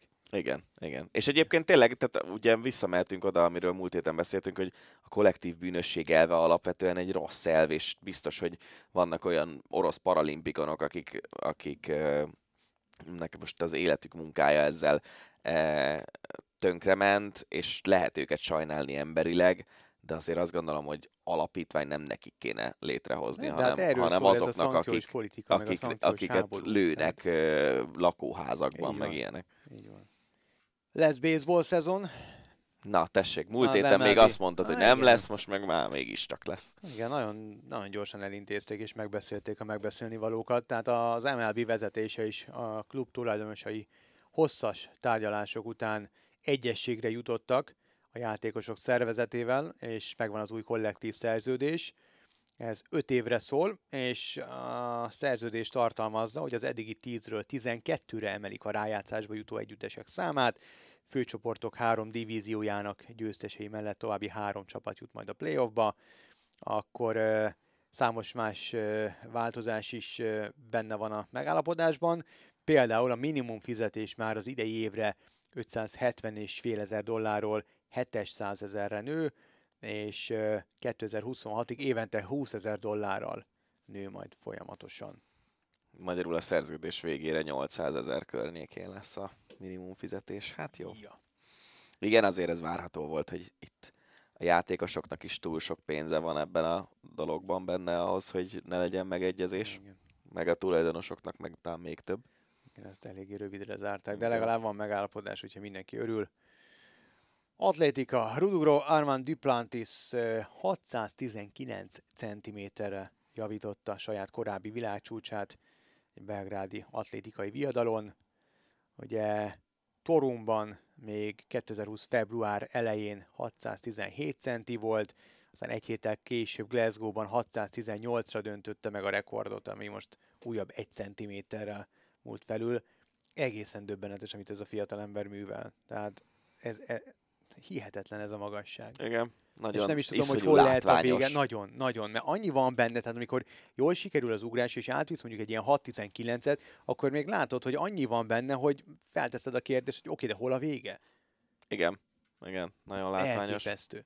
És ugye német Gerivel szoktunk erről beszélgetni, hogy tehát amikor vizsgálják a, a különböző sportágak mozgását, akkor a golflendítés, a baseball lendítés, illetve a rudugrás mozgás formája az, ami, ami talán a leg, nem, nem talán, hanem a három legnehezebb mozgás forma, és tényleg tehát élmény nézni. Az összes rudugró, de... rudugrás, és mi és volt? Azt hiszem a baseball, de, de a baseball az hasonlít a, a, a golfra, tehát lehet, hogy van egy, van, van egy harmadik, egy, egy teljesen más, ami most lehet, nem jut ez eszembe, de nézni, ahogy nem csak Duplantis, ahogy az összes rudugró elvégzi az ugrását, és ezt az egész mozgást, ahogy, ahogy ezt össze tudják koordinálni, túl azon, hogy felmennek több mint 6 méter magasra, Igen. egy ilyen nyavajás rúddal, döbbenet, nagyon tele a kalappal. Igen. De korábban még, amikor a, a, még Geri versenyzett, és a, fú, a Nemzeti Stadionnál, vagy Népstadionnál volt az edzés, a, egy fedett csarnok, már más a neve. Szima, Bok. Szimában, Szimában. Szimában voltak a, a, a téli edzéseik, és, és lejártam néha így, így edzegetni, és figyeltem azt, ahogy ők edzenek, döbbenet, ahogy egyrészt, ahogy a sprinterek edzettek, tehát, hogy aki ezt még nem látta személyesen, hogy, hogy az tényleg milyen sebesség, és hogy hogy érkeznek meg, mint egy gyors vonat, az, az nem, árt, nem árt megnézni. Kettő meg, ahogy figyeltem a rudúroknak az edzéseit, hát valami hihetetlen komolyan. Az biztos. Nagyon, nagyon, nagyon érdekes látvány volt. Kialudt a téli olimpia lángja, befejeződött a pekingi paralimpia, Az eseményen alig több mint 600 sportoló vett részt, egyetlen magyar induló, a monosíző Domit Riard csütörtökön óriás műlesiklásban 30 vasárnap műlesiklásban 16 lett, és mindenféleképpen úgy gondoltuk, hogy megemlékezünk erről, ezekről az eredményekről, és gratulálunk Rihárnak, és köszönjük, hogy képviselte Magyarországot. Abszolút, nagyon tisztelem a ö, para sízőket, meg parasportolókat úgy általában is. Ezt talán már meséltem, hogy nekem életem egyik legemlékezetesebb közvetítése volt, amikor ö, gyengén látók alpesi síversenyét közvetítettem még Vancouverből a paralimpiáról, és, és az nagyon durva, hogy tényleg alig látó emberek, akik előtt folyamatosan hanggal kell jelezni, hogy merre menjen a pályán, hogy tudnak sielni. Zseniális. Riádról készült egy nagyon hosszú interjú. Hát meg nem mondom, hogy hogy hol olvastam, mert elég sok mindent olvastam most az utóbbi időben, de ha beírjátok a nevét a keresőbe, akkor biztos vagyok benne, hogy ki fogja adni. Nagyon érdekes az interjú, nagyon érdekes az életútja Riárnak, és, és nagyon őszintén mesél a balesetéről is, meg, meg inkább arról, hogy hogy sikerült ezt, a, ezt az egész monosízést úgy elsajátítania, meg hogy hogy kötött ki igazából a monosízésnél. A, úgyhogy, úgyhogy csak ajánlani tudom azt az interjút. Olvassátok el, keresetek rá, mert tényleg megéri elolvasni, és nagyon, nagyon érdekes az életútja Richardnak. Maradva még a téli sportágaknál, Sven Kramer és Irene Wust is visszavonult, és ebben igazából semmi különösebb rendkívüli, csak Édeje mondtam, volt. hogy hát meg, hogy emlékezzünk meg a két legendás gyors előtt, és ha már ezt a podcastet együtt készítjük, és ha már te ennyire képben vagy a gyors akkor uh, megtisztelő feladatot ezt neked szánom. Irén Wüst uh, hatszoros olimpiai bajnok, és uh, egymást követő öt olimpián tudott aranyérmeket szerezni, ami ha belegondolsz, hogy 2006-tól 2022-ig minden egyes olimpián szerzett aranyérmet, Döbbenet. és minden egyes olimpián egyéni számokban mert a, a hatodik aranya az egy csapat szám, de, de a Szocsiban volt egy egyéni 3000-es olimpiai aranya is, ez hihetetlen, és ugye van a, másik oldal, Sven Kramer, aki szintén egy elég sikeres olimpiai sportoló, négy olimpiai arany, három különböző olimpiáról. Nála volt az, hogy az edzője elnézte a, a azt az hiszem, hogy igen. Aranyát? Azt hiszem, hogy azt igen. Volt, azt, azt hiszem, hogy igen. A Kramernél nagyobb dolog a, az összetett világbajnokságokat, ha megnézzük, ami ugye úgy néz ki, hogy futnak négy különböző távot, ha jól emlékszem négyet, és mindegyik távnak az időeredményét visszaosztják 500 méterre, vagy felszorozzák 10 ezerre, már nem emlékszem, hogy pontosan hogy van, de az a lényeg, hogy, hogy mondjuk én, ha 30 másodpercet mész 500 méteren, és 5 percet 5000-en, akkor ezt így arányosítják egymással, összeadják az időket, és és kihozzák a győztest, és a, abban ő verhetetlen volt gyakorlatilag egy tíz éves periódusban. És, és azért az mutatja, hogy ott mekkora, mekkora névről van szó, úgyhogy tényleg hát amúgy is a hollandoknál ez a, ez a e, gyors korcsolya, ez ilyen olyan szintű nemzeti sportág, és ugye az az érdekes, hogy ennek van egy hagyománya, hogy a télen a korcsolyák, a kanálisokon korcsolyáztak de közben már réges-rég nincsenek befagyó kanálisok hmm. télen, vagy maximum nagyon hideg teleken csak, és, és mégis ez megmaradt. És egyébként ők ilyen kicsit sztárpár Kramer, meg a barátnője, vagy nem tudom pontosan most milyen státuszban vannak, élettárs talán, a jobb név, Naomi Fanásző, meg kétszeres olimpiai bajnok, gyeplabdázó. Ó, oh, hát az is egy nemzeti sport. Úgy igen, igen. Na jöjjenek a végére hagytuk az NFL perceket, mert hogy az NFL az utóbbi napokban annyi hírt generált, hogy igazából csak győztük, győztük kapkodni a fejünket. Hát elkezdődött és amikor, a szabad ügynök időszak. Igen, és, és kijött az egyik hír, és azt gondolta, hogy na hát ezt nem übereli semmi. Aztán kijött a másik hír, és egészen máig úgy gondoltuk, hogy na hát figyelj, Igen. a Russell Wilson csapatváltása, vagy Aaron Rodgersnek a horror szerződését, azt, vagy Calvin Ridley hülyeségét nem übereli semmi. Erre mi jön ki? Hát ugye jó öreg Tom Brady. Mégsem vonul vissza, hat hétig bírta a családdal. Az e- embernek nem tudom, mi kéne az, amputálni kéne az egyik lábát, ezek- vagy a ezek a kezét, mémek- ahhoz, hogy biztos legyen, hogy nem tér vissza még az Hát NFL tudom. pályákra. Ezek a mémek, én, én meg szétröhögtem magam, hogy tudod, azt mondta, hogy most már szeretne nyilván férje lenni a feleségének, és, és Apa, családapa lenni, stb. És akkor mém, fuck them kids. Kész. Szóval e- visszatértem. Az ember eltöltött egy hónapot a családjával, és úgy döntött, és hogy inkább szeretne továbbra is amerikai focizni. ez nem kell, és vannak még elintézetlen ügyeim a, a Ja. pályán, úgyhogy visszatér nyilván a Tampához, úgyhogy a Tampa így letett Deshaun Watsonról, aki, aki lehet, hogy megy Clevelandben, csak megsúgom. Rebesgetik, hát majd Vagy a meglátjuk. Steelershez. Na, ezt is rebesgetik már egy ideje. Meglátjuk, hogy eh, de igazából azért gondolják azt, hogy a Brownsnak jobbak az esélye, mert hogy ők meg elvitték ugye a Cowboysnak a, a wide receiverét. Amari Coopert. Mm, Úgyhogy, na minden, meglátjuk, hogy mi lesz, de minden héten uh, jószerében minden nap szolgáltat valamiféle beszéd témát a, az NFL. Mit szólsz Brady visszatéréséhez? Pár mondatban. Hülyeség vagy jó ne, dolog? nem ért, van helyen? tehát, hogy nem értem ezt a hercehurcát. Nem. A, a, ha azt mondja a szezon végén, hogy folytatom, akkor, de most ugye Budai Zoli is mondta, hogy, hogy Bradynél valószínűleg az is szerepet játszott a döntésében, hogy nem akarja, hogy ilyen búcsú turné legyen. Most Ja. akkor ez a szezon, ami, hogy már egyszer majdnem visszavonult, Ja, ja. ez most mi lesz, ha nem búcsú turné? Na, nem tudom. A Bleacher Reporton volt egy tök jó um, kiírás, aztán ezt nyilván itthon is, meg mindenhol átvették, hogy ugye azért a labdáért 500 ezer dollárt Igen. fizetett valaki. a szart se ér az Igen. egészet. Hát van ez így. Ezt egy Bitcoinba is Igen. sokan rávesztettek. Igen, úgyhogy. Russell Wilson pedig elhagyja Seattle-t, és Denverbe igazolt. egy olyan csomagot raktak össze Denverben, amit szerintem bánni fognak idővel. Aha. Igen. Én nem tartom, Wilson egy tök jó játékos, de, de nem gondolom azt, hogy, hogy a két draftnak az első két pikjét megéri. Uh-huh. Aztán lehet, hogy ha Super Bowl-t nyernek, akkor megérte. Hát igen, akkor, akkor nyilván. Aaron Rodgers, négy évre 200 millió, 38 évesen. Azt Szerintem egy-két év lesz maximum az a szerződés. Ugye az NFL-ben sok ilyen szerződés van, hogy azt mondod, hogy négy év 200 millió Aha. garantált, az mondjuk a fele, Aha. és akkor, és akkor utána szépen szabadon mehet mindenki, amerre lát. A négy év alatt lesz Super Bowl-ja szerinted? Nem. Tehát ő már nem nyer szerinted. Szerintem nem. Oké. Okay. Hát akkor a hét hülyéje. Calvin Ridley, semmi személyes nincs benne, esküszöm, de amikor ezt a hírt meghallottam, akkor ez jutott eszembe. Ugyanis a fiatalembert most egy évre eltiltották, mert uh, ugye ő az Atlanta Falcons játékosa, és uh, meccsekre fogadott, és NFL meccsre is, a hírek szerint olyan meccsre is, amit az Atlanta játszott, és ugye ezt a liga szabályzata nagyon súlyosan tiltja.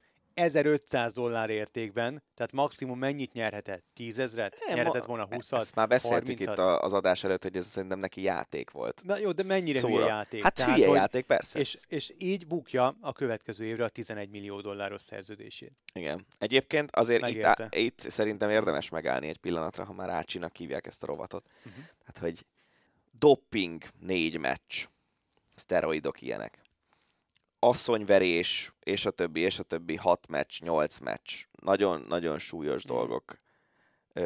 Fű, szívás, mit tudom én, tíz meccs. És akkor egy ilyen kis tétekkel való fogadásért egy egész szezon. Szóval nekem ez nagyon-nagyon nincs Nagyon, összhangban. hát ez megint egy olyan dolog, ami, ami miatt nagyon sokan felhívják, fel, az NFL szemére vetnek, hogy egyszerűen nincs logika egy csomó, Nincs, csomó nincs, nincs. ö, Itt szerintem ezt, ezt, teljesen, ezt teljesen elszapták, és, és nagyon határozottan azt gondolom, hogy itt benne volt ebben az egyéves eltiltásban egy olyan cél, hogy most akkor precedens teremtünk, hogy senkinek innentől kezdve eszébe ne jusson fogadni a játékosok közül, de közben meg nem áll összhangban a, az elkövetett bűn azzal, hogy más dolgokért meg milyen eltiltásokat kaptak emberek. Így van. Nekem a, tudod, kinek a, az ügye jutott először eszembe, és nem vagyok, nem emlékszem már rá, hogy mennyit kapott érte, de emlékszem, hogy aznap relatíve sokan voltunk bent a szerkesztőségben, amikor kiderült, hogy Adrian Peterson a Mhm. gyermekbántalmazási Mhm. ügye. Az is hat meccs volt talán? Tehát, hogy, hogy messze nem, me- messze. Egy, emlékszem, hogy, hogy röhelyesen kevésnek éreztük azt a büntetést, és mindenki itt el volt hűlve, hogy te jó ég, hogy egyáltalán hogy, vetemet, hogy vetemethet valaki ilyenre. Kettő, hogy nem büntetik meg úgy Isten igazából gazdagon. És akkor pontosan van egy ilyen hülyeség, mert tényleg nem, tehát nem bántani Persze. akarom, de ez tényleg egy, egy, egy hülyeség, hogy Persze. nem gondolt bele. De végig sem gondolt, hogy milyen következményei lehetnek a tetteinek, és egy 1500 dolláros fogadással bukik 11 millió dollárt. Érthetetlen. De bármennyire is értetetlen, az Ácsinak is itt a vége. Ennyi fért bele a heti rovatunkba. Természetesen jövünk majd a jövő héten is jelentkezünk majd, és hozunk újabb érdekes, vidám vagy kevésbé vidám híreket. Ha ti találtok valamit, akkor azt dobjátok tovább, ha érdekel természetesen a véleményünk azzal kapcsolatban. És további jó hetet, meg szép hetet, vigyázzatok magatokra, jövünk jövő héten is. Sziasztok, Révdanit és Farkasvölgyi Gábort hallottátok. Ez volt a Hosszabbítás, az Eurosport podcastje. A műsor témáiról bővebben is olvashattok honlapunkon az eurosport.hu.